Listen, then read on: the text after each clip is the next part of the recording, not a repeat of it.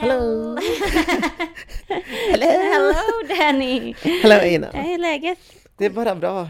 Uh, jag, uh, ja, men jag har ju tatuerat klart min arm. Jag ser det! Du sitter med en sån jäkla rak arm Alltså just fattar du nu. hur skönt det är att få min sleeve klar? Du vet, när det, det är så stort projekt. Ja. Alltså jag har suttit i, jag vet inte, sammanlagt en hel arbetsvecka tror jag. Det är helt Alltså- sjukt. Det är, lika, det är lika många timmar som vi har poddavsnitt. Ja men exakt. Nej, men faktiskt tänkte all poddavsnitt som vi spelat in, omvandla det till eh, bara ren smärta. Åh herregud. Ja det är ju typ ren smärta. Men eh, ja, så nu är den ish klar. Det är bara läkningsprocessen som är fett jobbig, tycker jag. Jag ser, men alltså du ser, alltså jag är mest, eh, jag är, vet vad jag är mest över, alltså jag är mest imponerad på att du kan hålla en så rak arm så länge. Ja, jag måste... Som dansare är jag så här, kan inte böja för att det är ju sån eh, tejp över... eh, ja du kan inte ens böja den. Nej exakt, det är sån second skin på. Om du ser det som plast över. Nej, jag ser inte. Den, den är verkligen second skin för jag ser den inte. Ja exakt, det är second skin. Det är för att eh, den ska läka utan att eh, det kommer massa bakterier. Ja. Så jag är helt död. Det känns som, du vet efter man har vaknat. eh, Jag vet inte om du opererat typ arm eller något sånt. Nej, eller jag minns inte. Jag Nej, minns men typ efter man vaknat på sjukhus och man känner sig lite sån groggy och Ja, man bara åh fy. Så känt det nu men eh, Styrkekramar till Danny, Thank allihopa. you. Men det är värt, vill man vara fin får man lida. Pin. är det typ det mest toxic eh, Riktigt här, Fan, uttryck man som måste man... lida. Nej men grejen är att jag har ju jag har ju tatuerat, jag vet inte, i över 40 timmar i alla fall. Ja. Men nu senaste gången, i och med att det har varit så ont hela tiden, så sa jag till dem bara jag vill testa en sån numbing cream. Mm. Och då finns det en sån kräm där man applicerar på armen. Ja, Och sen eh, får det typ vänta en timme för Okej. att det ska settle Ja. down, eller settle in liksom. Och det, det funkade faktiskt. Ah, Eh, Det nice. funkar ja, men någon timme i alla fall. Så då var det helt, alltså numb. Jag kunde Oj. inte känna någonting och jag var fan vad skönt. Men varför gör inte alla det? Ja, men det, Alltid. det, men det var för att det finns sån eh, alltså jättetoxisk eh, retorik typ, eller sån tatueringskultur och det är att ja, men man ska känna smärta. Annars förtjänar man inte tatueringen. Nej, Oh alltså det är God. en sån jättemacho. Ja, som att det är liksom en del av det, typ, annars är det inte en riktig upplevelse. Ja exakt, annars eh, har du inte tatuerat Wow. dig. För Gud. att du ska gå igenom smärta liksom. Jag kan typ inte så här överväga, gud, nu får jag så här tvådelad tanke i hjärnan. Å ena sidan så är det så här, det här är jättemacho, gud, stop Ja. this speech Men det- right now. Men å andra sidan är det så här, det här kanske är jättestarkt i tatueringskulturen, så jag ska inte komma in från som en outsider här eller bara Nej säga till vad man ska Och göra. jag, jag är ju rätt ny inom tatueringskulturen eh, alltså, Ja. kulturen och sådär och eh, det är ju en community. Ja. Och det är väldigt macho community också. Det är alltså det. tatueringsstudios och sånt har alltid länge ägts av eh, alltså män. Mm. Och de har, det har ju varit mycket liksom, eh, ja, men förminskningar och det, kan, Mm. det har varit eh, sexuella trakasserier. Oj, har okej. varit, det har också varit att män, ja, men, du vet när man fotar liksom, ja, men arm och rygg och sådär Ja. på folk som har nytatuerade. Man kan ju fota bara själva motivet, men Mm. det finns ju en hel kultur där män, alltså sliskiga män, Mhm. Fotar kvinnor i väldigt alltså, nedvärderade positioner. Oj. Alltså väldigt sexualiserade Ja, positioner. Alltså det pågår fortfarande. Du Ja. kan gå in på Instagram och kolla upp de mest etablerade liksom, tatueringsstudior i USA. Så Då ser du ja. att ja, men, då är det bara alltså, normsnygga kvinnor som Mm. de tar bilder på. Inte, Alltså, riktig- wow. Ja, men, I väldigt sexualiserade poser liksom, Ja. för att fota jag vet inte, en arm. Jesus. Så sitter hon liksom helt naken och täcker brösten och sen bara Det är sant armen, nu liksom. när du säger det. Jag ser så framför mig en så här Ja. klassisk Betty Boop. Alltså den Ja, men där exakt. karaktären som är typ en så här hyper... Och det, det börjar ju kritiseras mycket nu Mm. och eh, det är alltså många går ju till ja, men, nyetablerade tatueringsstudios som drivs av ja, men, kvinnor eller svarta kvinnor Ja. och sådär liksom. För att eh, man vill stötta dem idag istället liksom, för Ah. att det ju alltid domineras av män. Oh my god, support Ja. tattoo artists Ja, det, det, det, det, culture. jag har ju läst på, alltså så fort jag går in på någonting så läser jag på Ja, jag, jag märker ju att du har, du, du är insatt i det. Ja, och jag har så insatt just med eh, alltså, rasismen Mm. eh, inom tatueringsstudios. sker. Ja. Eh, och det är väldigt starkt eh, genomsyrat Förekommande, av ja. rasism. Just när det kommer till att, ja men, nej vi tänker inte tatuera på eh, svarta. För, okej. Alltså dels för att det är, det- är svårt, det, man Ja. måste ju ändå klara en viss alltså, teknik Ja. för att eh, eh, framhäva eh, ja, men designen Ja. liksom, sådär. Men det är ju bara en teknisk fråga. ja men precis. Alltså det har ju ingenting med om att det går inte. Liksom. Nej, exakt. Det går ju såklart. Det Vi går, har ja. ju så många eh, svarta som har ja, tatueringar. exakt. Och det, då handlar det om att de här, de orkar bara inte. Nej det är okunskap. Det är ja, det är okunskap och sen eh, ja, de antagligen fördomar bara liksom att man bara nej, svarta kan inte ha tatueringar för att det syns inte liksom. Så använder man det argumentet när man egentligen bara inte orkar liksom så här typ för jag kan tänka mig då att det inte finns så mycket, ja men så här, kanske heller nedskriven kunskap om hur man ska tatuera på annan hy än så här Mm, mm. vit, som man kallar det då, normvit. Ja, alltså det finns säkert så här någon, något ideal på så här hur man tatuerar och då så lär man sig säkert från de kunskapsböckerna och så finns kanske inte det om men om andra så här kroppar än vita kroppar just för Mm. det är så samhället har sett ut. Gud ja, men så är det definitivt. Och så är det också med, alltså det, tatuering det handlar också om olika bläck och sådär. Mm. Det innehåller olika saker Mm. och det finns olika ja, men nålar och allt sånt där. Mm. Och det, allt sånt är ju också anpassat till just det vita kroppen. Mm. Liksom. Så det finns en hel del att gå igenom. Liksom. oh vi, kanske näst, vi kanske ska bjuda in en, eh, en eh, Men aktivist typ. inom så här Men tatuerings... det handlar också mycket om klass, alltså Ja men ja, för det, som du sa sist när du tatuerade det, att det Mm. kostar ju extremt det kostar mycket. och eh, det är ju en hel industri där också liksom. Eh, Jesus. med- ja, Ja. Det, det är mycket. Men Vi jag kan, göra en helt analys, vi kan göra en hel analys på tatuering, alltså använda det som ett exempel för att så bara visa alla förtryckande strukturer som Exakt. finns i världen. Och med det sagt, välkommen till podden med Danny Lam och Ina Dovland Herrera!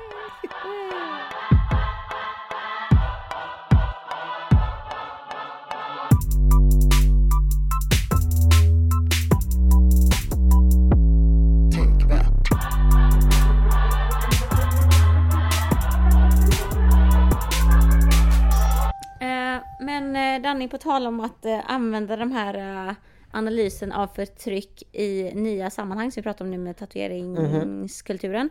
Du och jag var ju förra veckan och föreläste om rasism och hbtqi-frågor och intersektionalitet på ett, eh, i en dansfestival. Ja, Det var jättekul. verkligen. Det är speciellt sån kontext där jag själv inte hör hemma riktigt. men, men du hör ju hemma i de eh, kretsarna liksom. Ja men Det är exakt. kul att få komma till din värld. Ja, det var jättekul för att liksom sam, lite så här, samma minidiskussion som vi hade nu om tatueringskulturen och liksom också att hur rasism och klassfrågor och sånt kan komma in där. Så eh, försökte vi oss prata om det liksom lite under eh, föreläsningen som vi gjorde då på Hip Hop Revolution som det heter. Och det var jättekul för mig för att jag liksom är ju både, har ju verkligen en fot inne i dansvärlden och kulturen och inne i så här aktivismen och allt som vi håller på med. Så det var jättefint att se liksom hur de två bryggade och också vilka diskussioner som kom utav det typ. Vi pratade jättemycket om liksom hur, eh, men typ så här hiphop i sig i generellt liksom i bland andra sektorer inom kultur i, i Sverige är så långt ner liksom. Så där finns en maktanalys och tänka på okej hiphop kulturen värderas inte lika högt som typ så här ballett typ kanske Mm. eller någon annan form av konstform. Men sen så inom hiphopkulturen också så finns det också massa olika av hierarkier. Det det. finns jättestarkt förekommande rasism, även fall hiphopen från början var till för att belysa just rasism Mm. och så vidare och så vidare. Så att eh, ja, det är jättekul att, jag tycker det är jättekul när vi tar in de här analyserna som vi gjorde nu med tatueringsexemplet, Exakt. så som vi gjorde förra Ja, veckan. men det visar ju också bara att rasism är ju någonting strukturellt. Alltså Exakt. det genomsyras i alla nivåer av samhället. Och därför är det så viktigt också att prata om, alltså bara att vi kan sitta här och prata om, eh, jag bara nämnde tatuering och sen kan man gå så djupt Ja, när det kommer till alltså, rasism men också sexism men Ja. också ja, men kanske homofobi också. Liksom, Mm. att det finns folk som kanske inte vill tatuera homosexuella alltså, personer. Alltså om Mm. du förstår, det finns ju också den eh, ja, men fördomar om att ja, men det handlar mycket om blod och sånt där. Liksom. Exakt. Då kanske man har fördomar om att ja, vissa typer av människor som har det här blodet. ja exakt. Så det är, det är så intressant att man kan, det är alltid återkommande Jag tema. vet.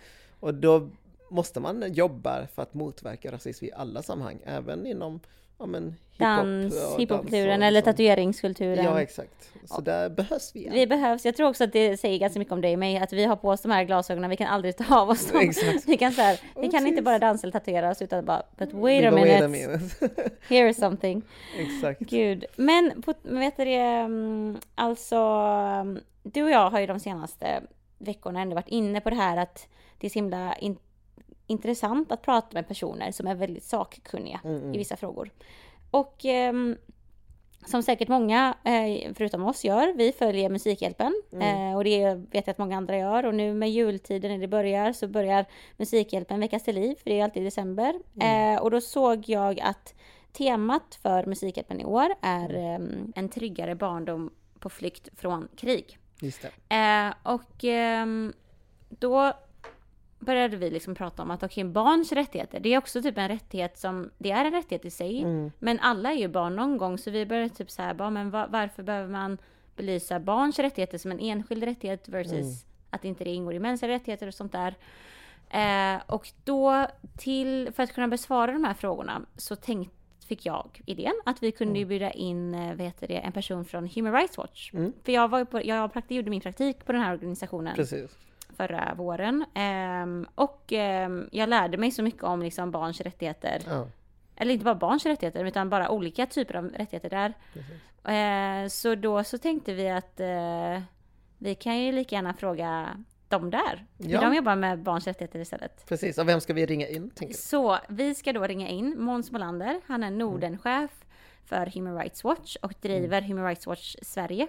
Är det, han som har startat organisationen? Precis, han mm. har startat den här i Sverige. Sverige. För det är en global människorättsorganisation som finns i hundra länder och har funnits liksom, ja men sedan typ slutet på 60-70-talet.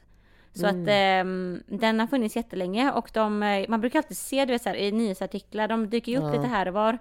Um, de, de nämner det, ja, men, typ i nyhetsartiklar så nämns det lite som, ja, men, typ som Amnesty. Liksom, ja, men exakt. Förbifarten. Om, ja, enligt Amnesty ja, så... Exakt, en rapport av Human Rights Watch. Begås brott, bla bla. Och det är så mm. viktigt för oss att lyfta det här, för att vi jobbar ju också med rättigheter, alltså när vi jobbar med typ så här strukturer som rasism eller sexism eller så, och så vidare, så brukar vi alltid prata om att man måste göra det utifrån ett rättighetsbaserat perspektiv. Alltså mm. jobba med hur, eh, alltså de systematiska felen som mm, gör exakt. att liksom de här, att rasism fortfarande finns och sånt där. Eh, och det gör just Human Rights Watch. Så att jag tänker att eh, vi ringer in. Vi gör det. Vi ringer in Måns Molander. Welcome to the studio!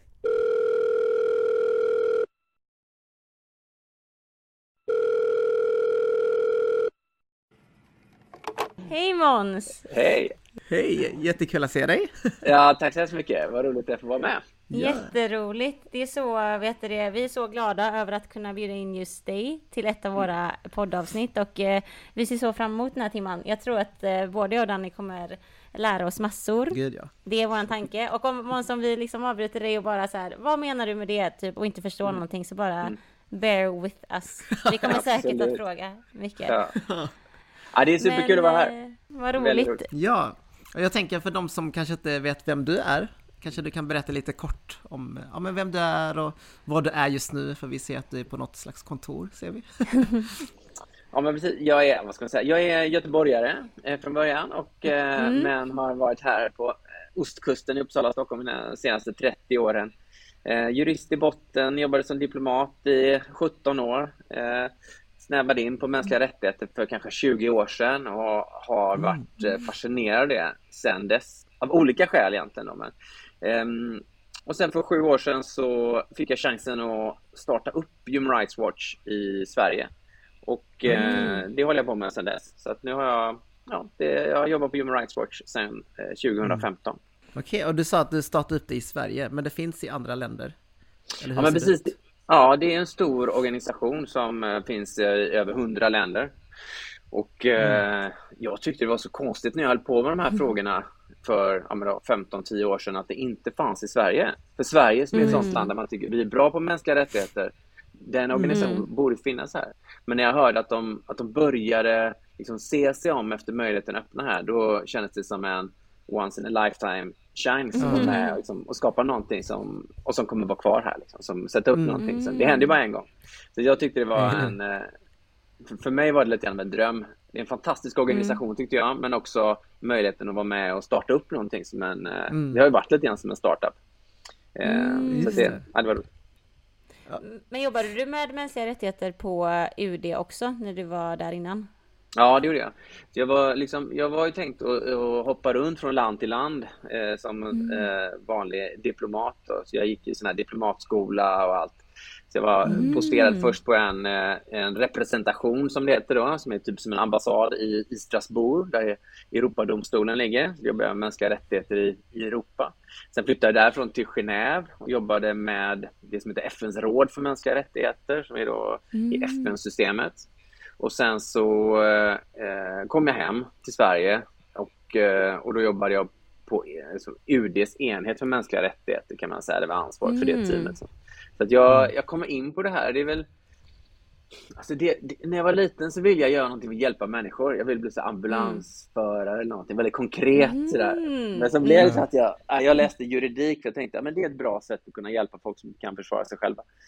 Och sen så insåg jag att jag gillade väldigt mycket internationella FN-frågor och sånt där när jag läste. Så att eh, då, eh, ja, då drog jag dit liksom. Och sen så har jag känt att inom, inom UDs värld, inom det internationella, så kan man jobba med tusen olika saker. Men där var det liksom de här Mm. frågorna om, om rättigheter som jag tyckte kändes liksom de viktigaste för mig och där jag kände att jag var riktigt intresserad. Så att, det var så det blev. Och nu har jag liksom chans att kombinera det här tycker jag genom att jobba med liksom, rättigheter i hela världen fast man gör det i Sverige. Och både liksom, eh, försöka få Sverige att göra bättre ifrån sig här hemma. För det finns ju ganska mycket problem här i Sverige också. Men också få Sverige att och trycka på för att det ska bli bättre i, i Ukraina eller Syrien eller Jemen eller annanstans. Och jag har ju inte superbra koll på vad Human Rights Watch gör, förutom att Ina har ju såklart berättat mycket för mig. Men om du bara berättar lite kort om eh, vilka om frågor ni berör. För mänskliga Ja. rättigheter är jättebrett liksom. Ja, men det är verkligen det. Det är jättebra. Och det, vi är ju vi är lite grann som Amnesty. Så jag brukar säga att är, även om vi jobbar på lite olika sätt så är våra, de frågorna vi håller på med ganska lika. Så vi håller på med ehm, vi har en metod som vi brukar kalla för Investigate Expose Change på engelska. Då, där investigate är så här fältbaserad research. Så vi har folk i ungefär 100 länder som träffar offer, vittnen eller ibland till en förövare av brott mot mänskliga rättigheter.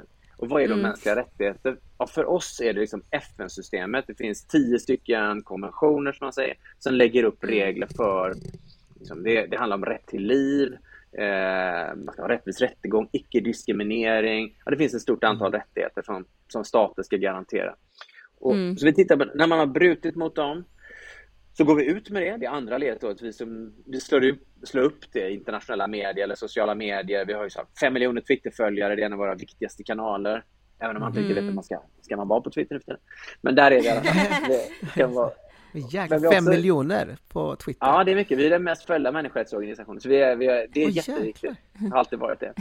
Och, ehm, eh, men också traditionella medier. BBC, Al Jazeera, eh, CNN och sånt där.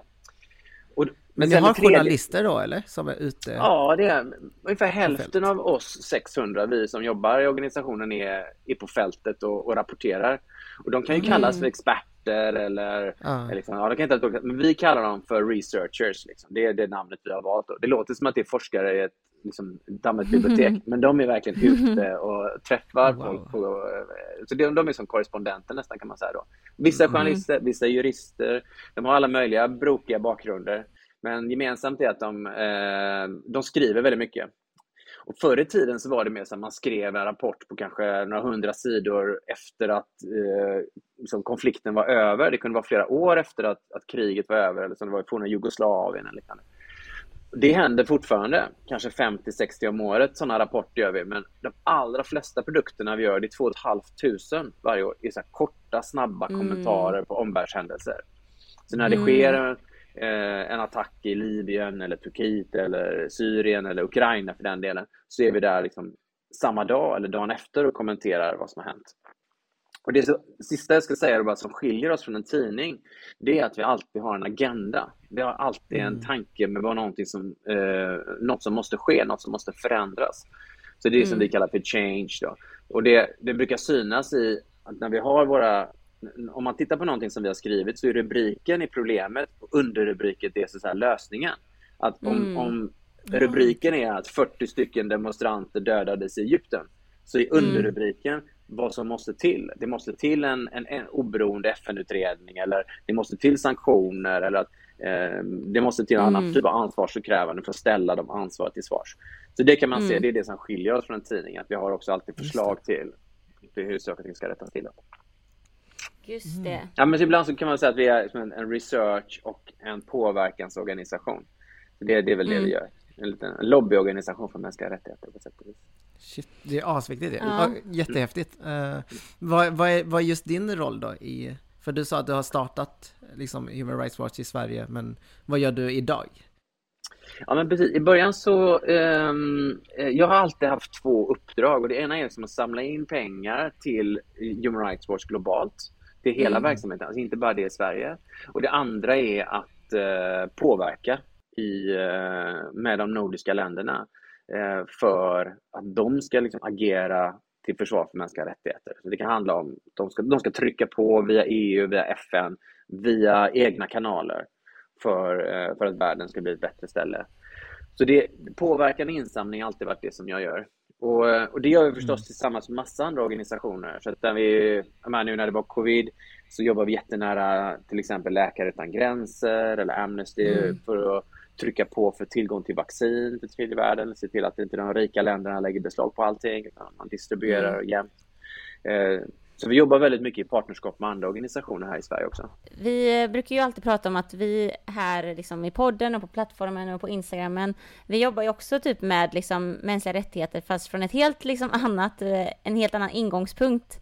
Och det är mm. så himla intressant när man sitter och pratar så här olika aktörer emellan, om man kan kalla det så, för att mm. vi har ju så extremt olika tillvägagångssätt. Men jag tycker ändå inte att metoderna är typ helt olika utifrån hur yeah. Human Rights Watch jobbar nu och typ utifrån hur tänkvärd plattformen i sig också jobbar. För det brukar ju, det handlar ju ofta om att liksom eh, sätta lys där alltså brotten mot mänskliga rättigheter sker, så som det står liksom på HRVs hemsida. Mm. För visst är det så, har inte HRV ett quote som är typ Shed, jag, jag, kan, jag minns aldrig, vad är det? Måns, du vet det bättre. Shed light. Ja, men, att, eh, Ja, men precis. Och det handlar väldigt mycket om det som, precis som du säger, att både att liksom eh, belysa de här mörka platserna där ingen eh, får se. Liksom de eh, avlägsna platserna i världen där eh, inga nyheter kommer ifrån.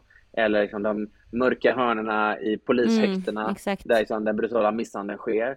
Eh, och jag tror ju själv att väldigt mycket i så här, biståndsvärlden kommer liksom på hundra års sikt eller ännu längre kanske att ha jämnats ut. Att eh, länder kan bygga sina egna skolor och stå för sin egen hälsovård så småningom.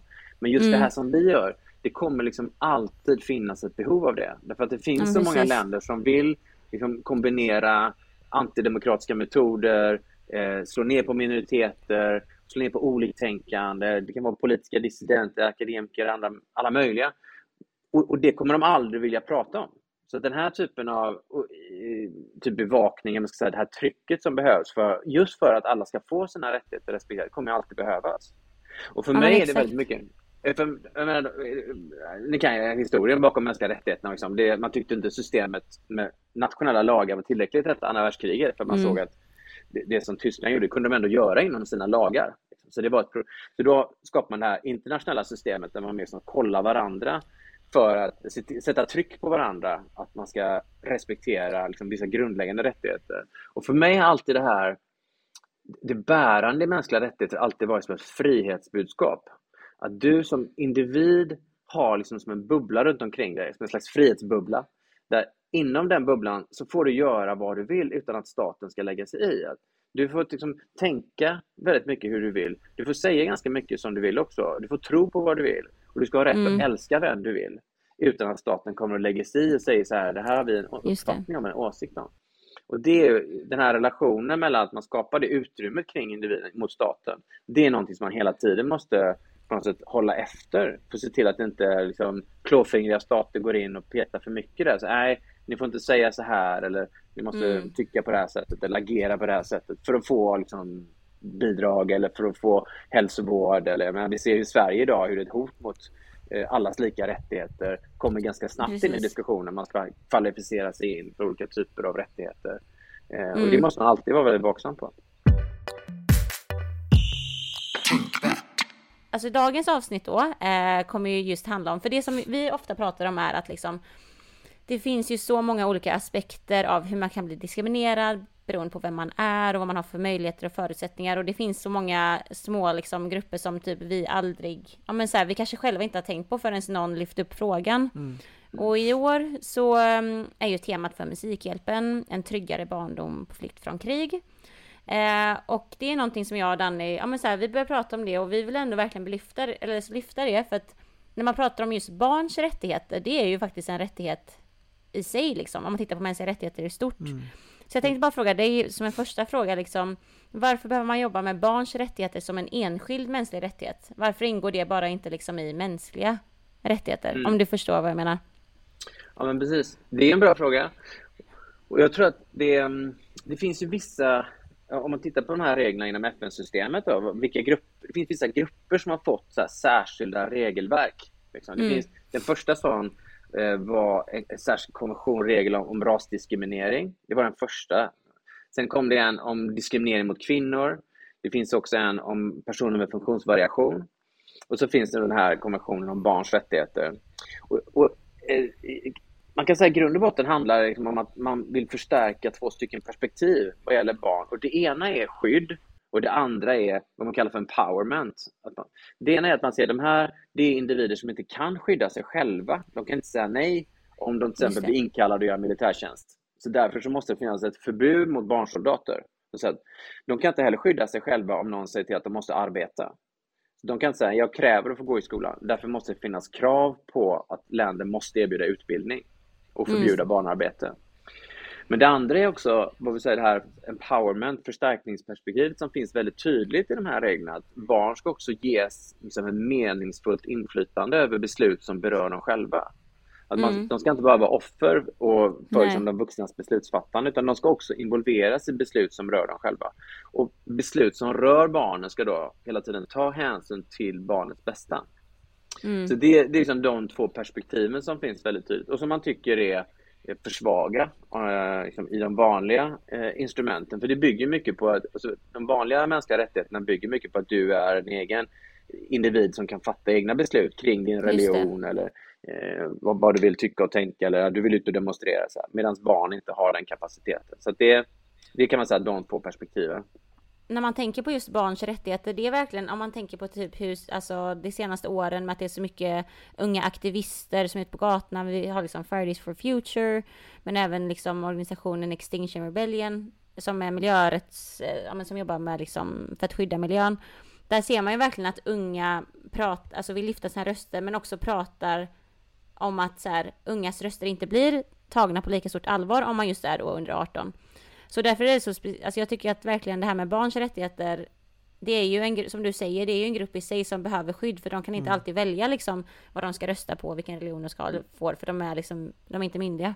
Mm. Och det är någonting som jag tror att man ofta liksom, ehm, eller vi typ har aldrig pratat om det liksom, att barn själva behöver rättigheter just av den anledningen skull. Såklart att man inte kan skydda sig själv och att barn är mest utsatta i samhället för att de är yngre och mer försvarslösa, men ändå att man ska ha samma liksom typ demokratiska rättigheter att liksom prata om mm. det.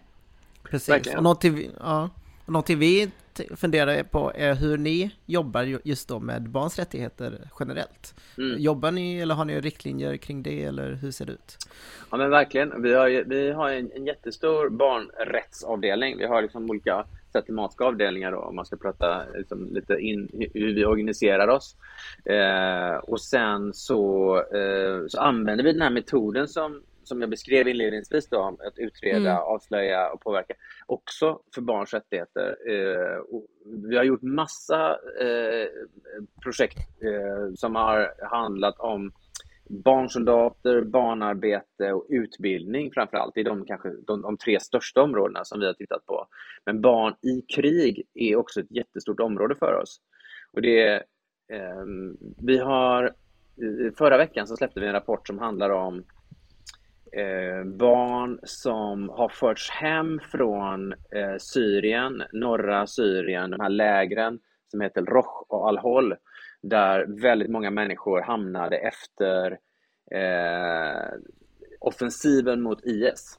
2019 mm. så slog man sönder det som IS kallar för kalifatet och mm. eh, väldigt många personer hamnade då i två stora flyktingläger.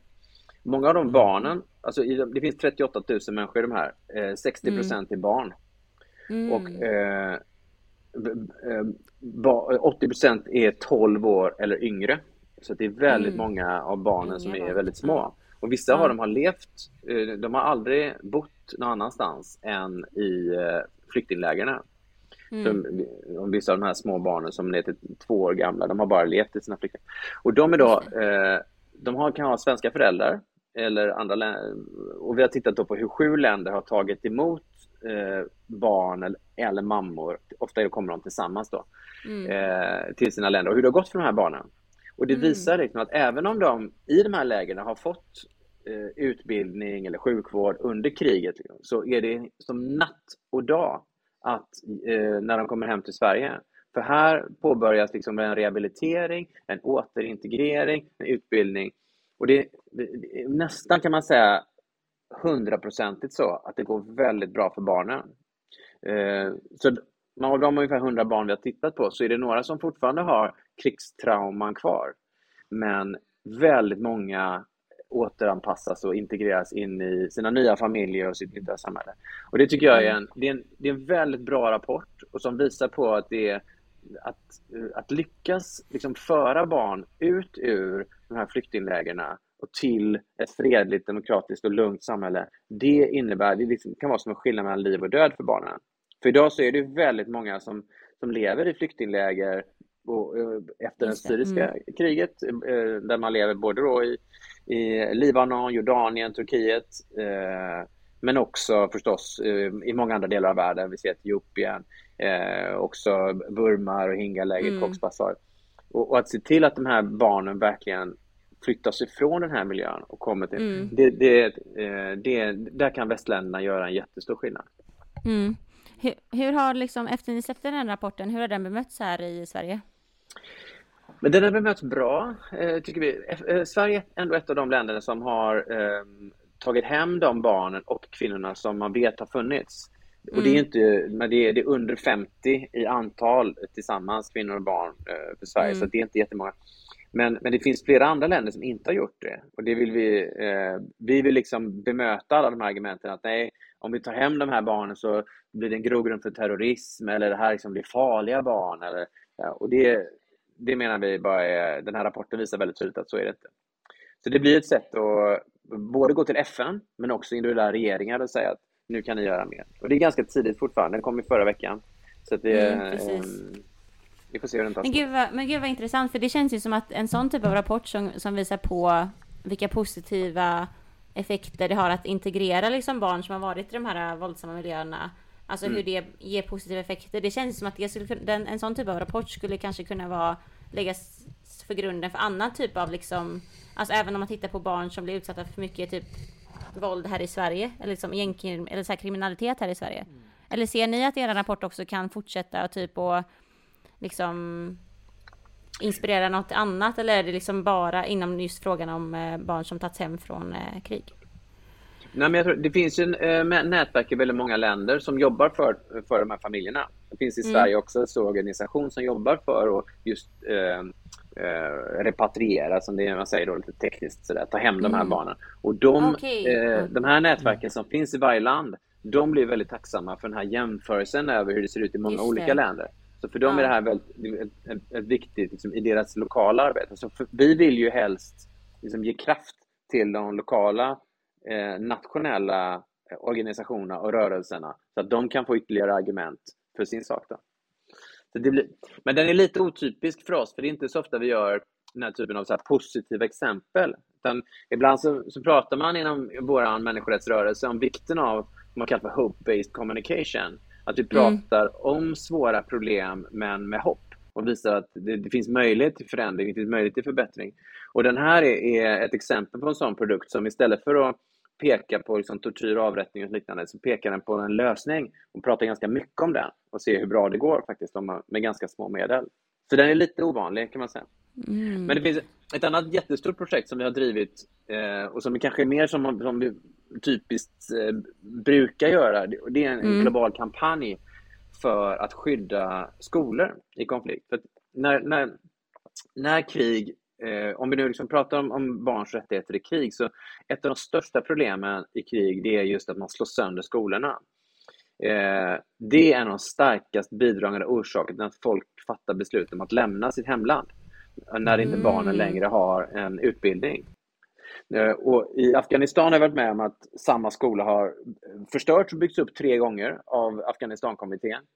Eh, för det som händer är att militärer tar tillflykt till skolan, eh, den omvandlas till ett militärt mål, den skjuts sönder och kriget flyttar någon annanstans. Och kvar finns liksom bara en skola i ruiner. Och Det innebär väldigt ofta att barnen får väldigt långt till skolgården, det kan vara flera mil, och de droppar av, de börjar jobba och istället så, så Eh, vi har sett det hända i Ukraina mm. och eh, på väldigt många ställen runt om i världen. Så för, i 2015 så tog Human Rights Watch initiativ till som en slags deklaration kan man säga som ska skydda skolor. Eh, och det var några länder som Norge, mm. Argentina var med mm. och sa så att vi måste skapa en ny regel. För precis som sjukhus är skyddade i krig, man får inte bomba ett sjukhus, så vill vi också skapa liksom en särskild skyddsstatus för skolor. Och, då kan man, och det har nu, liksom, det växer, det växer, det växer. Slut var, eller från början var det bara några få, men nu är det då över 115 länder som ställer sig bakom den här regeln. Mm. Och då kan man säga att då börjar man nästan komma till den nivån där man kan säga att det finns en liksom internationell enighet om att nej, mm. det är faktiskt det är förbjudet. Och skulle man kunna komma dit här att vi som ger skolor en sån här lite högre status så skulle det innebära en enorm skillnad för liksom, hundratusentals barn som, som lever i någon typ av väpnad konflikt. Eh, för att man åtminstone kan liksom då bibehålla själva skolgången och utbildningen. Om, om eh, ett sjukhus nu då, för de har den statusen att om de blir förstörda i krig så går det emot ett krigsbrott då? Är det det? Ja, det kan det, precis. Ja. Okej, okay. men görs det ändå? Alltså så här, om man tänker titta generellt på konflikter runt om i världen, hur ser det ut med liksom, blir sjukhus mindre förstörda för att det finns, för att den ingår som ett krigsbrott? Ja, det gör det absolut. Och det, det har vi sett att det som behövs genomföras, det är att man, alltså för FN-personal eller för mm. NATO-militär, mm. för dem är det legitimt att eh, eh, bomba en skola om det är så att det, att det ger dem ett strategiskt övertag. Men det finns, till den här produkten finns det väldigt så här, tekniska militärmanualer som, mm -hmm. som, som också vi har haft NATOs hjälp med att ta fram och som ska passa i det systemet. Så det är verkligen gjort för att kunna direkt användas av eh, FN-systemet och västländerna. Så att det är, eh, enligt den här manualen så, så är det helt enkelt så att man måste leta andra alternativ. Du får inte använda skolan som barack, eller du får inte husera där och du får inte förstöra den. Utan du får hitta andra alternativ. Och det, eh, det, det funkar. Det, det, funkar. Sen kan man säga att krigsbrott kommer ske ändå. Alltså krigsbrott kommer ske ändå. Och det har vi sett i Ukraina också. Att både ryska sidan och den ukrainska sidan har gjort sig skyldiga mm. både till förstörelse av skolor men också eh, har vi sett ju attacker mot sjukhus. Det är inte så att bara för att det är förbjudet så, så sker det inte. Det är inte så ibland. Nej. Men däremot så får det mycket mer uppmärksamhet och det eh, kan också utgöra ett krigsbrott. Just det, och då kan det dömas för det liksom också. Ja, precis. Både nationellt och internationellt. Oh, okay. Safe Schools Declaration heter deklarationen. Mm, uh, Safe Schools Declaration. Det är någonting mm, man måste verkligen lägga vet du, på minnet. Och så här, det, för det är någonting som, ja, det är verkligen en typ en, en lösning eller en, eh, en implement, alltså man kan ju implementera det som du säger. Ja, mm. och det, det handlar inte bara om att man förstör skolor utan också att militär använder ofta skolor som baracker. De tar eh, i Afghanistan, vi har sett det hända eh, också i Thailand. Det, har dokumenterat, mm. det finns massa rapporter om som hur eh, barnens skolgång avbryts därför att militärer helt plötsligt dyker upp i skolan. De slår läger de, som använder delar av skolan ofta då, som lager, förvaring, baracker. Och de som mm. först droppar ur är då eh, flickor för att föräldrarna till flickorna blir, är mindre benägna att släppa iväg eh, flickorna till skolan om eh, militärer finns på skolan. Så det, eh, det drabbar kvinnorna eller flickorna hårdare än vad det drabbar männen. Ja, så man kan se vad följderna är också och se liksom hur det också blir ett problem för flickor. Gud, det är så mm. himla, det är så himla, vet du, det är viktigt att få höra de här mer tekniska liksom, eh, eller inte tekniska, men för, alltså jag tänker typ det som man kanske inte eller jag känner generellt när jag, om jag läser en sån här nyhetsartikel om mm. att det sker ett krig någonstans så mm. tänker man ju inte på vad, vad finns det för faktiska lösningar som de här för att liksom mm. kunna motverka vad är det man kan stötta som en enskild person typ om man vill jobba för barns rättigheter eh, i krig liksom. Men finns det några svårigheter när man, eh, alltså jobbar, jag tänker när man jobbar med barns rättigheter generellt typ. Märker ni, alltså på Human Rights Watch, några svårigheter med att jobba med just barns rättigheter och är det olika svårt eller lätt, typ beroende på vart i världen man jobbar med just barns rättigheter? Jag tycker nog att det är ganska lätt att jobba med barns rättigheter. Det finns, det finns väldigt många organisationer i Sverige som gör det. Så det, det kan jag säga att det, det, det är trångt utrymme på det sättet. Det finns eh, många väldigt bra aktörer, stora organisationer som Rädda Barnen till exempel, som är mm. aktiva. Mm. Eh, så det finns mycket kunskap. Det har också funnits länge ett, ett engagemang i Sverige för frågan om barns rättigheter. Vi är ett av de första länderna att förbjuda att man slår barn. Alltså barnagaförbudet var ju ett uh, första i världen. Och eh, förra regeringen var väldigt noga med att de skulle göra barnkonventionen till svensk lag. Så det pratades mm. väldigt mycket om barns rättigheter. Det har gjort det tycker jag de senaste fem åren. Um, så det, på det sättet så tycker jag det är väl ganska, eh, ganska lätt. Men samtidigt är det ju också, precis som du säger, hur, hur ska man se till att det inte bara blir som ett klapp på huvudet och eh, ett, ett, överperspektiv, mm. utan ett involverande mm. perspektiv. Hur kan man få in barn som beslutsfattare också? Och jag tycker det du säger med Greta Thunberg, Fridays for Future, är ett strålande exempel på det. Mm. Att eh, det det, det, finns fortfarande, man kan bjuda in representanter till vuxenmöten men det, det, det passar inte riktigt. Liksom. Det blir Nej. inte någon idealisk dialog riktigt. Så det, eh, jag tycker fortfarande att vi behöver bli bättre på att se till att göra liksom, meningsfull delaktighet för barn och unga. För det har vi inte riktigt lyckats med. Nej men för jag tänker också typ att nu bara i, vad var det, typ denna veckan så har ju 600 alltså barn här i Sverige gått ihop i någonting som heter Aurora-målet heter det väl? Och där nice. stämmer den svenska staten för eh, klimatförstöring mm. liksom. Mm. Och oavsett hur det, vad som kommer hända utifrån det så tänker jag att det är väl ett ganska så ett exempel på att just barn eller ungdomar då känner att de är exkluderade i de här beslutsfattande mm. eh, platserna. Just för att det, det, är så aktivt och tydligt att man visar på att här har vi 600 ungdomar som stämmer staten. Mm. Ja, det är så stort. Ja. Det är helt eh, över hela Europa. Och mm. Det är mycket möjligt att det är som du säger att eh, då kanske att, att unga människor har en annan känsla för de här långsiktiga effekterna. De förstår att det som mm. händer på 40-50 år, det kommer påverka mig. Medan mm. äldre kanske inte alls liksom upplever det som lika pressande. Eller, eh, det kan mycket väl vara så att, det, det, att unga kan vara bättre på att ta de här långsiktiga effekterna på allvar. Mm. Det, det, här målet är ju väldigt intressant och det är inte bara för att unga driver det men det är också för att man använder domstolarna i en klimatfråga. Och man pratar om, om climate justice. Eh, att eh, kan man på något likväl som man liksom kan kräva sina rättigheter i en domstol så borde man mm. kunna kräva då också rätten till miljö. Eller, det finns ju inte någon bra i Sverige men det finns i många andra länder. Finns det någon kritik när det kommer till just arbete med barn? Till exempel som jag har sett när man använder nyhetsmedier och sånt på sociala medier så tar man kanske bilder på barn och de har ju inte riktigt kunnat ge samtycke för det mm. till exempel. Hur, hur ser den bilden ut? Har ni fått någon Ja, alltså, om man tittar på Sverige så uh, vi gjorde ju en ganska stor kartläggning av hur läget ser ut för ensamkommande barn som söker asyl i Sverige. Som mm. vi gjorde då i anslutning till 2015-2016. Och där kan man ju se att ett, ett särskilt problem är att det är väldigt mycket ett lotteri till vilken kommun man kommer i Sverige om man kommer mm. hit som asylsökande. Att för vissa barn så blev det ett, så fick de ett bra bemötande av en god man eller HVB-hems personal. Medan eh, i, i, andra kommuner så var det liksom noll krav på utbildning av HVB-hems personal. Nästan ingen utbildning alls av gode män. Vilket innebär att barnen, eh, det blev väldigt eh, slumpmässigt som, i, vilken mm. utsträckning mm. man fick sina rättigheter tillgodosedda. Mm. Och det var ett av de stora alltså problemen som vi såg det. För att det ska vara gode mannen som skriver in dig i skolan till exempel, bara ett sånt exempel. Om, om din gode man är dålig på det eller om du inte får någon god man, då innebär det att då blir du inte inskriven i skolan. Det var många barn som hamnade i kläm där. Och då var det upp till skolorna ibland själva att gå förbi reglerna om att mm. god man ska skriva in i skolan och bara liksom, ta in barnet. Men det var då mm. väldigt mycket upp till som enskilda rektorer, kanske enskilda, eh, enskilda lärare ibland.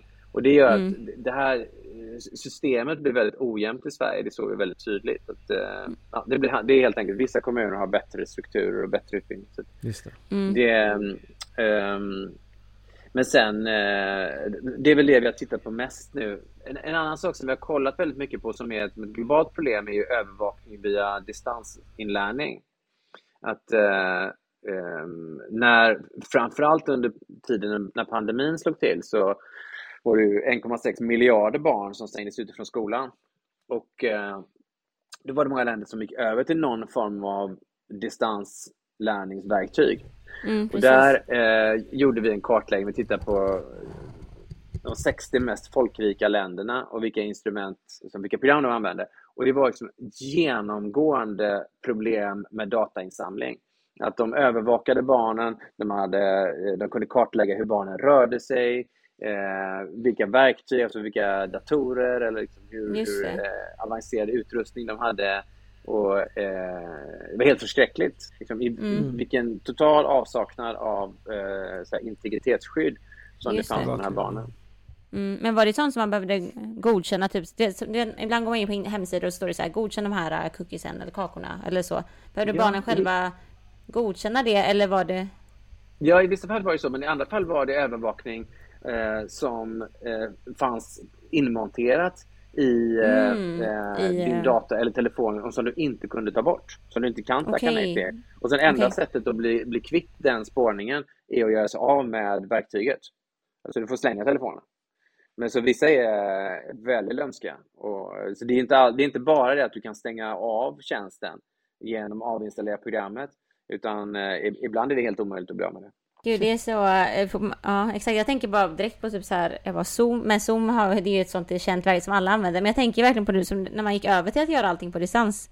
Ja. Det gick ju så fort och man var ju liksom, man hann ju inte ens reflektera själv över det för att man var ju tvungen att gå och få sina betyg. Eller gå till skolan och liksom mm. göra mm. allt som man skulle mm. göra liksom. För oss har det varit en, en, eh, liksom en, en lite grann av ett nytt område som man tittat på. Just i ja. att det rullades ut över hela världen så snabbt så blev det också mm. en stor global fråga. Mm.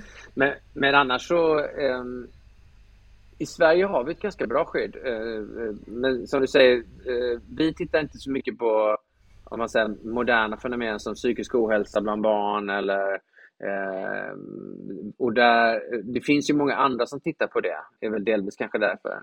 Men vi har mer haft fokus på frågor om barn i krig, utbildning och sen har vi jobbat ganska mycket med barnarbete inom vissa sektorer då, inom tobaksindustrin eller gruvindustrin eller lite annat. Mm. mm. Men vet du, jag ser på er hemsida så, jag, eh, när jag kollade bara snabbt här, det, ni har ju något som heter Intersex Children också, ett tema, mm. vet det, mm. som man kan klicka sig in på. Vad, för, vad, ja, men vad handlar det om? Vad, hur jobbar HRV med det?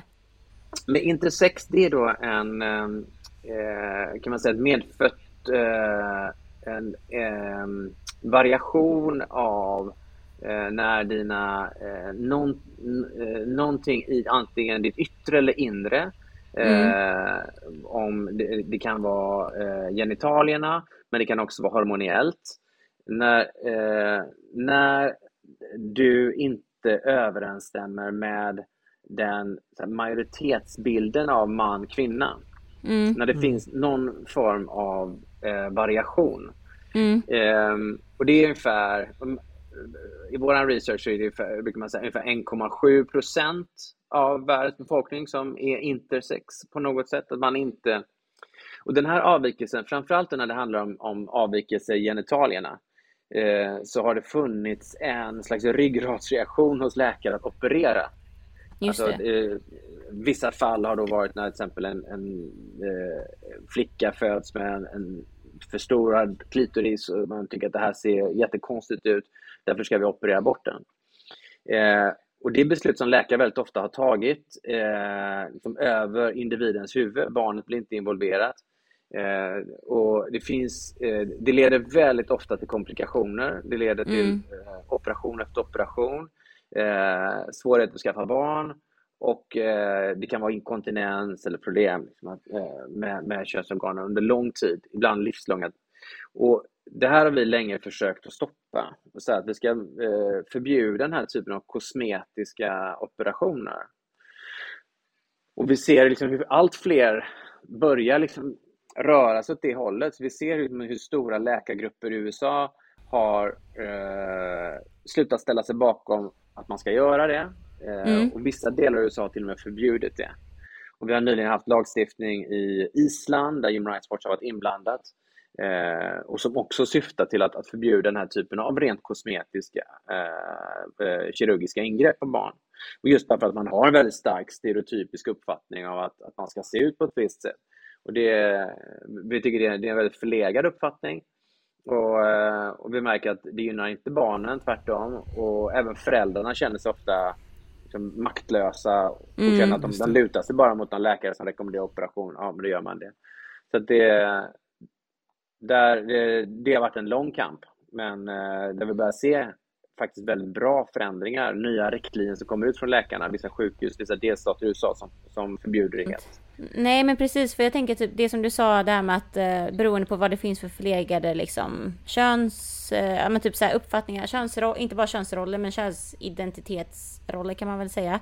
Så finns det ju, typ här i, här i Sverige så finns det, det också mycket förlegade liksom tankar och idéer om, alltså just inom läkarvården som faktiskt har direkta påverkningar för olika typer av alltså befolkningsgrupper. Här i Sverige, vi har ju pratat tidigare med en kille som driver något som heter regnbågsblod, som vill ge lika rättigheter till um, homosexuella som heterosexuella män mm. specifikt, just för att det finns en så här förlegad tanke om hur ett sexuellt liv ser ut för en homosexuell man versus för en heterosexuell man. Och att det också mm. skapar riktlinjer som, är, mm. som det baseras inte på medicinsk evidens, utan det är bara på att en tanke om att uh, Mm. En person som är homosexuell liksom har ett mycket mer riskfullt sexuellt liv än en heterosexuell man.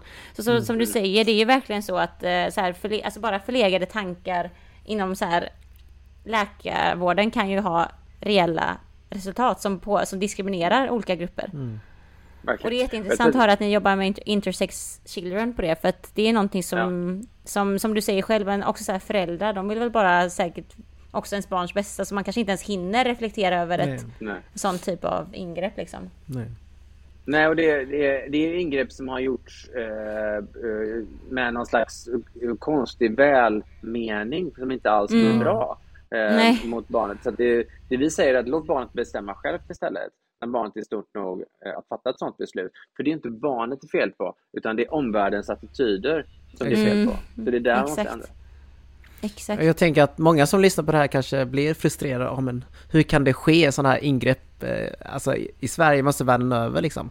Men hur kan vi som privatpersoner påverka och vara med och stärka barns rättigheter? Har du några idéer? Jag tycker verkligen att man eh, alltså, eh, ska göra sin röst hörd. Jag tycker alltid mm. det är bra att eh, du börjar i det lilla debattera med sina kompisar och stå upp för det du tycker och testa hur det känns att försvara en obekväm åsikt liksom, gentemot sina kompisar eller i familj kanske. För att det, man behöver pröva och, och testa eh, innan man ska ge sig ut i den liksom, publika debatten när man vill liksom, eh, vara på ett möte eller stå på torget eller prata på det sättet. Så jag, jag, tycker bara prata, våga prata och våga uttrycka sin uppfattning. Eh, det finns ju många organisationer som samlat upprop. Jag tycker allting som visar att det står många människor bakom någonting är bra. Liksom. Så även att, att skriva på en, en, ett upprop på internet det är värt någonting. Det är det verkligen. Att det, för det visar att, det, att man står bakom något. Och sen, eh, eh alltså, det finns ju massa organisationer som jobbar för det här också. Så, så man kan ju gärna liksom informera sig, läsa på. Och hittar man mm. någonting som, som passar sitt, eh, sitt eget ändamål, så gå med där då. Och, och gå gärna med liksom, små organisationer för att eh, liksom, driva frågor i, i det liksom, lite mindre sammanhanget. Men man ska komma ihåg att i Sverige så hade vi också till ganska nyligen krav på Ehm, att man, om man bytte kön så var man tvungen att sterilisera sig. Det kan man uppleva som något helt eh, absurt eh,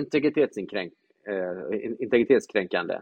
Därför att varför ska staten ha en uppfattning om min liksom, reproduktiva förmåga bara mm. för att jag eh, har en könsidentitet som inte stämmer överens med den medfödda mm. kanske, eller så här, den mm. biologiska könsförfödelsen.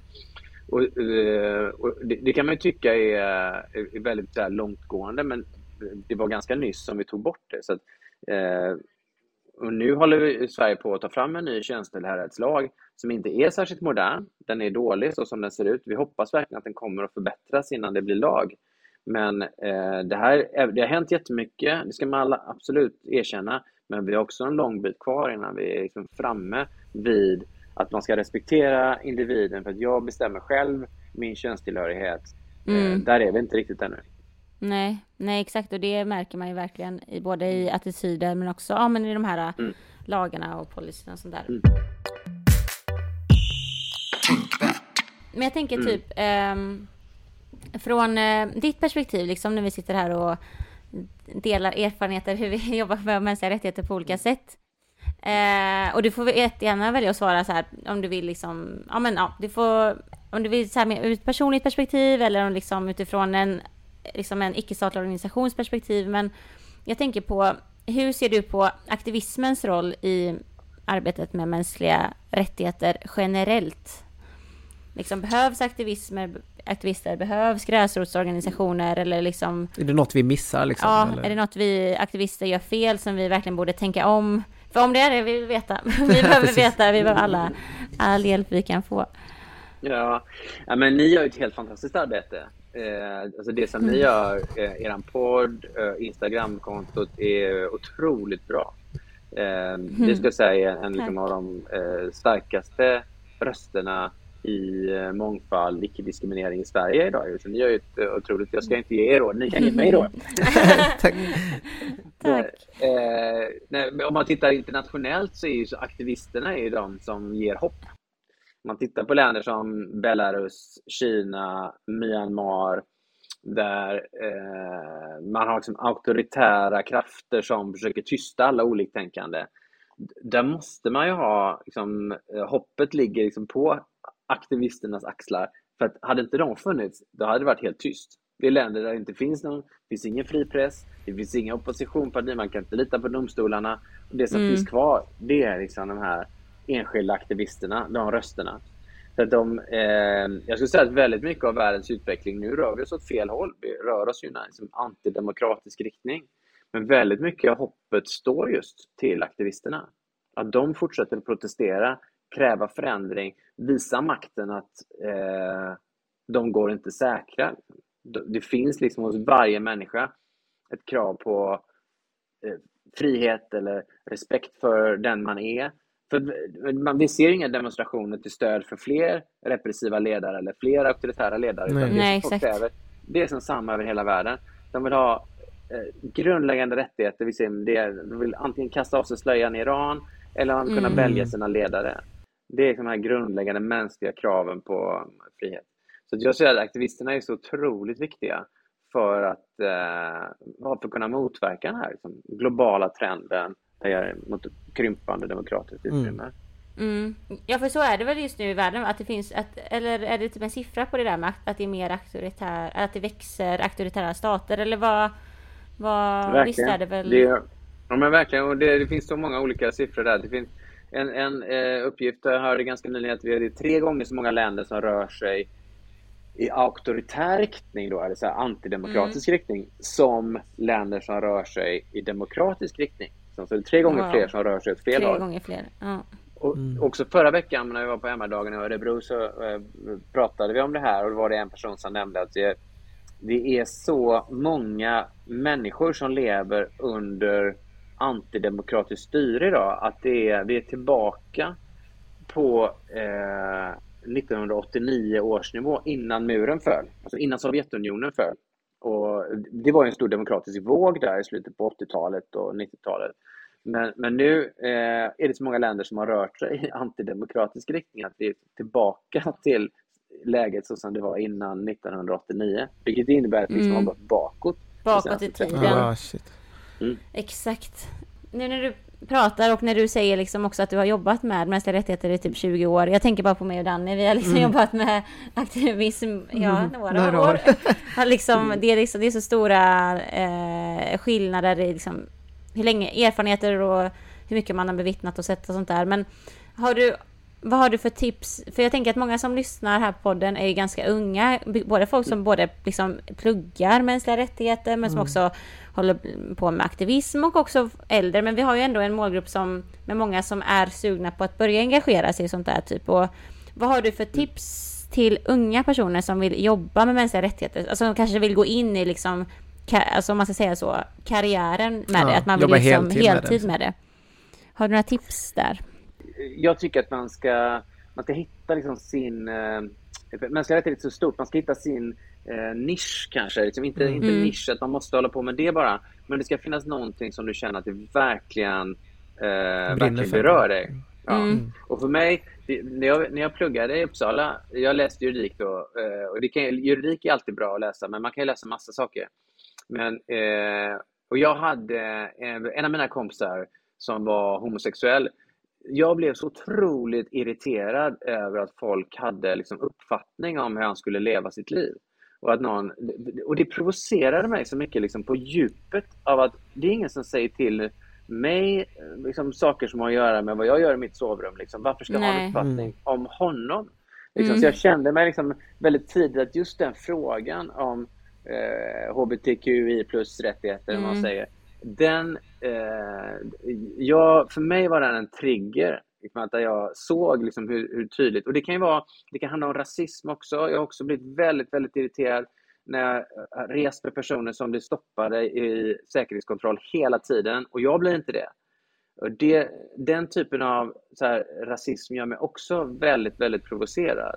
Så mm. Det är mm. mer att jag kan känna, för mig har alltid liksom, ilskan varit lika mycket en drivkraft som eh, här, omsorgen eller viljan att göra gott. Jag så jag är kanske inte framförallt en aktivist som är här för att göra gott. Det är inte så jag tänkte. Jag är här för att jag blev arg och irriterad över det som jag såg som en orättvisa.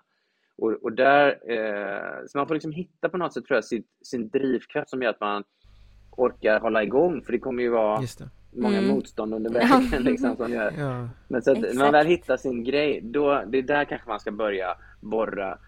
Och jag tycker jag är en stark anhängare av liksom, föreningar eller sammanhang. Att mm. hitta, man behöver stöd. Liksom, hitta folk som också tycker att det här är en viktig fråga. Mm. Eh, och som engagerar sig i samma sak som du. Eh, prata liksom med dem och, och liksom, prata med likasinnade för att se hur kan man ändra det här. Mm. Exakt. Det är, det är jättebra, för att jag känner att vi har haft den resan också, att vi känt frustration över någon orättvisa som vi själva kanske blivit mm. Eh, behandlade av, eller någon vän liksom, och det har vi omvandlat till något mer ja, men konstruktivt typ. Mm. Eh, till att, ja men då kanske vi ska upplysa om det istället. Vi kanske ska lyfta mm. de här rösterna för att visa eh, hela svenska befolkningen hur den, eh, hur det faktiskt ser ut i Sverige liksom. Exakt. Så det, det är jättebra tips tycker jag, verkligen. Mm, och det är så kul att du säger Måns också, för när vi har haft andra gäster här, vi frågar alltid de här typerna av frågorna efter man gått igenom ganska tunga ämnen, typ okej okay, mm. men så här lite så, vad är vägen framåt, vad kan vi göra för att orka med och sånt där. Och alla säger verkligen det här, att man, det här um, att hitta sitt community, eller att hitta liksom styrka i andra. Det har, mm. Vi har pratat med folk som, ja men vi, vi gästade själva en podd som pratade om mm. modeindustrin eh, och där pratade hon gav tips där att liksom så här, hitta de som brinner för samma sak och eh, vi har pratat om liksom med folk som jobbar med maskulinitetsnormer och han säger samma sak där att liksom hitta de här personerna mm. som drivs av samma Eh, ja, kanske ilska eller omsorg. För det är verkligen mm. i eh, gemenskapen typ som man hittar kraft att fortsätta. Mm. Ja, precis. Vi behöver ju mobilisera oss, tänker jag. För att inte mm. känna att man är själv och bär hela den här bördan och försöker driva den kampen själv. Utan vi är ju så mm. många som vill detta, men kanske inte har den orken eller ens vet var man ska börja någonstans. Nej. Så jag tror det är Nej. skitviktigt att det finns den verkligen. communityn. Verkligen. Och, och man kan göra mycket på egen hand. Liksom man kan lära sig mycket Ehm, man kan fundera sådär, men eh, just när, man, när det kommer till att vara kreativ och tänka kring lösningar, vad som är nytt, eller vad, vilka vägar framåt finns det? Just det här kreativa, där måste man vara fler. Man måste vara fler för att kunna bolla idéer och att, eh, att, att, få lite som, som nya tankar. Det, jag, jag känner med, det finns mycket man kan göra själv, men just det kreativa processandet, då är det väldigt svårt mm. att vara ensam. Exakt. Och jag tänker typ, för nu har vi pratat här om, du berättade lite om din så här, men hur du kom in på det här med mänskliga rättigheter och så här frustrationer som du har haft som har eldat ditt liksom intresse och vidare och så. Men för att jobba med det. Men om vi, så här, för jag och Ranne brukar typ också säga att liksom varför vi ens har den här plattformen och håller på. Det här är ju något, alltså en vi, försöker, vi fyller ju typ någon form av efterfrågan som vi hoppas inte ska behövas. Mm. Alltså vi vill ju inte att, man ska, att vi ska behöva sitta liksom, mm. och prata om de här frågorna. vi vill ju att samhället ska behandla alla jämlika så att det här ska vara någonting som är bara inkluderat och implementerat mm. i allt, liksom, så att det inte ska behöva vara en egen sakfråga. Men det är ju inte där vi är. Nej, slutmålet är ju verkligen att tänk vad att det ska behövas eller HRV inte ska finnas liksom. Det är egentligen slutmålet, men det, det kommer ju... Det kommer ju ta, det kommer det ens hända. Det har ju aldrig, det var ju någon som sa det, eh, att liksom vi har ju typ aldrig levt i en värld som inte har varit ojämlik. Nej, precis, så vi vet inte ens hur den världen ser ut. Liksom. Nej, exakt. Men, eh, men... Om, om vi bara tänker liksom, ja. om ett hur, hur hade, vad hade du jobbat med egentligen om inte, om inte det fanns liksom de här orättvisorna? Eller vad man ska säga? Ja, men jag önskar att jag hade rest lite mer kanske när jag var yngre. Jag hade gärna jobbat liksom i fält eh, med eh, liksom, eh, personer som har väldigt lite resurser. Jag kanske jobba i ett flyktingläger. Jag hade hemskt gärna varit läkare, sjuksköterska, jobbat väldigt konkret liksom, i det hade jag gärna gjort. Så det, det tror jag jag hade eh, kanske gjort om jag inte höll på med det här. Just det, mm. ambulansföraren var det väl? Som du sa där i början. När jag var liten, ja. jag lite kändis. Men sen var jag, min, min kusin var ambulansförare. Han, han sa att det är väldigt svårt för att det, det är väldigt sällan som folk överlever. Så, så man kommer ah. som ambulansförare. Gud vad hemskt. Mycket död. Ja. ja, det var Oj. inte så roligt. Usch, men, nej men äh, jag fattar. Nej men för att vi pratade också om det, att vad man gjort om inte vi hade gjort det här. Alltså jag tror att äh, för det känns ju lite som, eller som vi i alla fall, det är när man tar på sån här aktivistkappan eller vad man ska säga, så eh, det här görs ju för att det behövs. Mm. Kanske liksom, men man hade önskat att det inte hade behövts, men det behövs ju fortfarande. Mm. Ja, men, och jag inser också det. Men jag är över 50 och jag kan också inse att mycket mm. kommer igen. Liksom. Det, det, är inte så att eh, man går bakåt av, med, med vilje, utan det är ju att eh, väldigt mycket är ju diskussioner som alltid behöver föras. Men bara, bara se när Rasmus Paludan ska ut och bränna en koran. Så hela den här diskussionen kring vad är egentligen yttrandefrihet? Varför har vi den i samhället? Och hur, hur stor är den? Och får den finnas till varje pris? Det är ju diskussioner mm. som, det är inte så att man kan ha den diskussionen nu och sen aldrig mer. Utan den måste man ha hela tiden. Hela tiden. Man måste alltid Ja, och liksom är därför det är så... Men också påminna ja. oss själva att inte ta det för givet liksom. Alltså Nej, exakt. Påminna oss vad som gäller och vad, vad, hur det kan också missbrukas. Det ja, också, mm. liksom. exakt. Mm. För det är någonting som, och det är lite intressant att du säger det, för det är lite som du säger, man måste jobba med det hela tiden och därför kan det också kännas ganska typ märkligt ibland när vi blir inbjudna och så här bara, men kan du hålla, kan ni hålla en föreläsning om mångfald liksom? Och det är så här, ja men Sen klart, precis, det borde ju vara någonting som ligger inne i liksom, ja men hela tiden. För att det är ingenting som man bara precis. liksom alltid per automatik jobbar med. Jag lyssnade på, eh, det var, det var någon, jag vet inte vem nu, men eh, att just barn då inte ofta tillhör normen. Och då var det någon som sa, men vadå barn inte tillhör normen? Alla är ju barn någon gång liksom. Mm. Och då så sa den här personen att nej, men det är ändå någon form av norm kring att vara vuxen när man tänker på bara hur samhället behandlar oss. Han bara, exempelvis om vi tar Eh, tandkräm. Vi säger ju mm. barntandkräm, men vi säger ju inte vuxentandkräm. Nej, precis. Just för Nej. att man pratar om det som avviker. Ja. Och det fick mig att tänka, jag bara wow, det finns verkligen en vits att tänka på barn som grupp också. Mm. Just för liksom ens rättigheter och sånt där. Just det. Ja, ja men roligt. Ja, sen är det också det här med barn, liksom, det här, är barn 15 eller barn 18? Det är också ja, det här med, den, barnen mellan 15 och 18 är ju eh, i lagens mening fortfarande barn men ges liksom mer utrymme och friheter än många andra. Och kanske mm. ett, ett, av de största och viktigaste jobben som Human Rights Watch gjorde tidigt var med, eh, alltså när man skrev barnkonventionen då var det bara förbjudet med barnsoldater eh, från 15 år. Men mm. då eh, såg vi att det var väldigt många barn då, mellan 15 och 18 år som egentligen inte alls, alltså, som var barn men som tvingades mm. att kriga.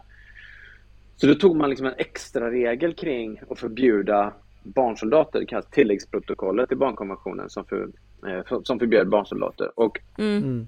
det ledde till en gigantisk minskning av flera hundratusen. Alltså det antal barn som var stridande eh, dök från närmare 400 000 till 190 000. Eh, så det försvann inte, men det blev en väldigt stor skillnad. Och flera av de här stora målen som eh, internationella krigsförbrytartribunalen började med, alltså när den sattes upp för 20 år sedan, det handlar just om, om rekrytering av barnsoldater. Mm. Så just eh, det som man kanske tycker är det mest självklara steget, att få bort barnen från slagfältet, det eh, var en jättefråga för, för 20-25 år sedan. Eh, och nu, nu, har vi ändå kommit dit, liksom. men många länder tyckte att nej, men från 15 år så ska det vara okej att kriga. Men, Just det. Eh, men, sen lyckades ja, övertyga de flesta.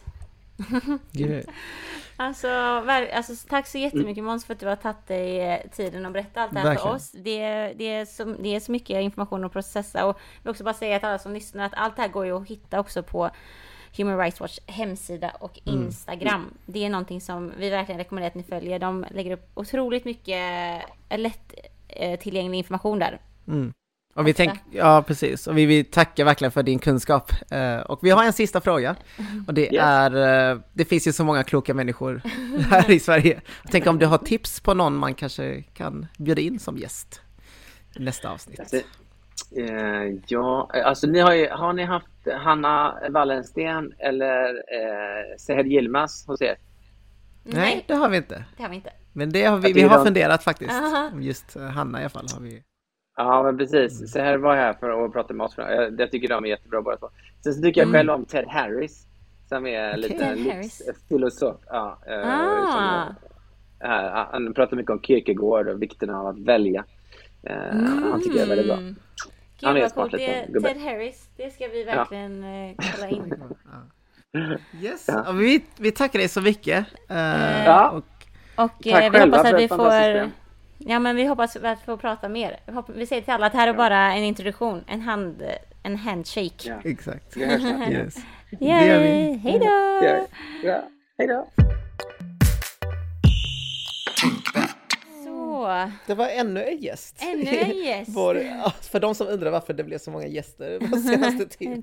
Är för att vi märkt hur mycket värde det ger. Alltså, Exakt. Visst, vi kan ju alltid göra massa research. Eh, Vi kan ju söka Mm. själv och prata om de här sakerna utifrån det som står på HRVs hemsida Ja, till exempel, eller på Amnesty eller på Rädda Barnen Mm. liksom. Men det blir en helt annan dynamik att få ställa följdfrågor. Mm. Att få höra någon som är ute på fält eller någon som faktiskt har den insikten liksom, direkt eh, på plats.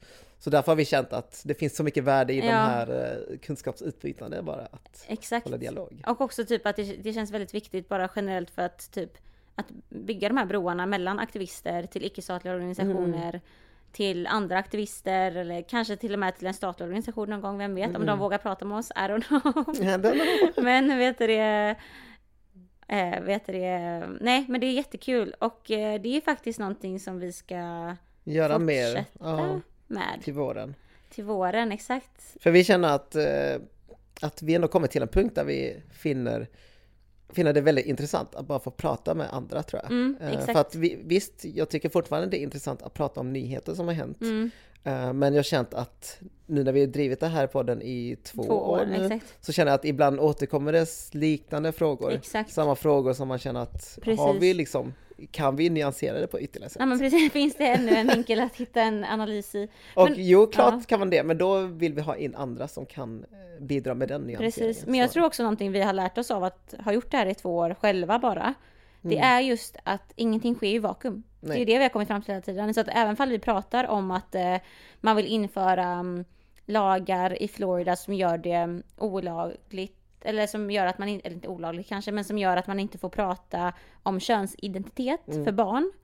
Då är det så här, det är ju jätte, det är ju helt, alltså man behöver ju prata om det här för att ge uppmärksamhet till det, men man kan också sätta det i en större kontext av barns rättigheter. Mm, mm, Eller av liksom eh, homofobiska, mm, ja men homofobi mm, och så vidare och så vidare. Och därför så känns det så viktigt att just prata med de här nyckelpersonerna som kan så mycket om Eh, ja, men som kan jättemycket om barns rättigheter eller som kan mycket om machokultur eller som kan mycket om mm. vad det nu än är. Och jag tror att det kommer skapa, jag tror att det är det som typ behövs också för att man liksom mer ska kunna förstå varför de här nyheterna är så viktiga att belysa. Mm. Men också tänker jag att just det här med tolkningsföreträde är så Exakt. väldigt mycket. Alltså det är, vi förstår så problematiken att vi som inte är ja, men, svarta eller Exakt. som inte är transpersoner, som Mm. inte är Har- ja, men, ja. olika liksom, typer av erfarenheter ska sitta här och leka experter när vi Exakt. inte är experter. Nej. Alltså vi, vi hänvisar ju till källor och vi tar ju upp vad andra har upplevt. Mm. Men jag tror det är väldigt viktigt att få in personer som faktiskt har de här erfarenheterna också. Exakt. Eh, Så att, så att också deras röster lyfts. Eh, Mm. För ja, jag, jag tror det kommer bli jättebra till våren och är det någon här som lyssnar nu och bara, "Ja, men ni måste verkligen Ja. få med den här gästen så hör av er. Ja, precis. Säg. Och jag vill också bara passa på att säga att jag har upplevt att den här hösten så är det jättemånga av er som lyssnar som har, Mm. kom, som har sagt till oss att ni lyssnar. Alltså så här i olika sammanhang. Jag har träffat på flera stycken som har sagt till oss att de lyssnar som inte jag visste om. Och det är, jätte, Mm. det är också jättefint att ni gör det för att det känns så liksom, det gör, det får oss att förstå att vi måste, att vi behöver, alltså att vi behöver fortsätta prata om de här grejerna. Mm. För att det relaterar till er som lyssnar på olika sätt. Så att eh, se till om ni vill ha, vilka gäster ni vill ha. Vad ni vill höra mer av såklart. Eh, Och bara liksom också Gud, vi ska ju fortsätta med den här podden, men det blir som tacktal nästan. Eller, nej, Nej, men herregud, vi kan vi- säga att vi Vi ändrar formatet bara ja, helt ändrar enkelt. formatet bara. Men, Men ni eh, kommer vi vet att vi kanske kommer tillbaka tidigare format exakt. också. Men, Men, eh, vi eh, kommer fokusera mer på gäster. Ja, det vi tror verkligen att det är nästa grej. Och det var det jag skulle säga också, att en annan jätte, jätte rolig grej som också är en, som på ett, ett vis är också ett resultat av podden, men också såklart av Instagramen främst, det är ju att vi har börjat föreläsa om de här grejerna. Mm. Och det känns ju också som att det är ett, bara ett, ett resultat av att det som vi pratar om här behövs, det som ni vill att vi ska prata om behövs. Så att om det är någon som lyssnar där ute nu som håller på att jobba med de här frågorna och kanske själv håller på att bygga upp en plattform där de är aktivistiska eller Mm. väljer en utbildning. Alltså sluta inte. Ni behövs. Mm, Vi alla verkligen. behövs. Vi gör det här tillsammans liksom. Så att, eh, och det är jättekul att se att eh, även liksom stora företag och ja, andra personer lyssnar till just aktivisternas röst och gräs, Mm. gräsrotsrörelsens röst. Precis, och eh, ja, vi vill tacka alla som har följt oss så här långt. Mm. Ja. Femte säsongen. Fifth season. Det är det va? Ja, det är det. det, är ja, det. och det ska avslutas nu för vi tänkte att vi tar lite tidigare. Eh, men Ja. winter break. På winter break. För vi börjar planera lite inför våren och vi har ju tidigare nämnt att vi tänkte starta en Youtube-kanal. Exakt. Så det ska vi planera. Ja, och det kommer också, också ske till våren. Herregud, vi kommer vara så, till slut kommer vi vara i era liv. Som en tredje form. Okay. That sounds creepy. That sounds very creepy, take it back. Men, Men, tack så eh, jättemycket så tack. får ni ta jätteskön vinterbreak. Ja, och jag vill också bara säga att eh, vi hade ju Måns Molander här från Human Rights Watch som vi, för två minuter sedan liksom. Mm. Eh, följ dem på eh, Instagram och Twitter. De har ju det största Twitterkontot av alla Ja, typ, människorättsorganisationer. På Instagram heter de HRVW Sweden. Eh, och ehm, ja, deras hemsida Human Rights Watch så ser ni. finns jättemycket bra information där. Yes. Och önskar er alla en riktigt god jul för er Ja. som firar det. Precis, annars en god fortsättning och god nyår.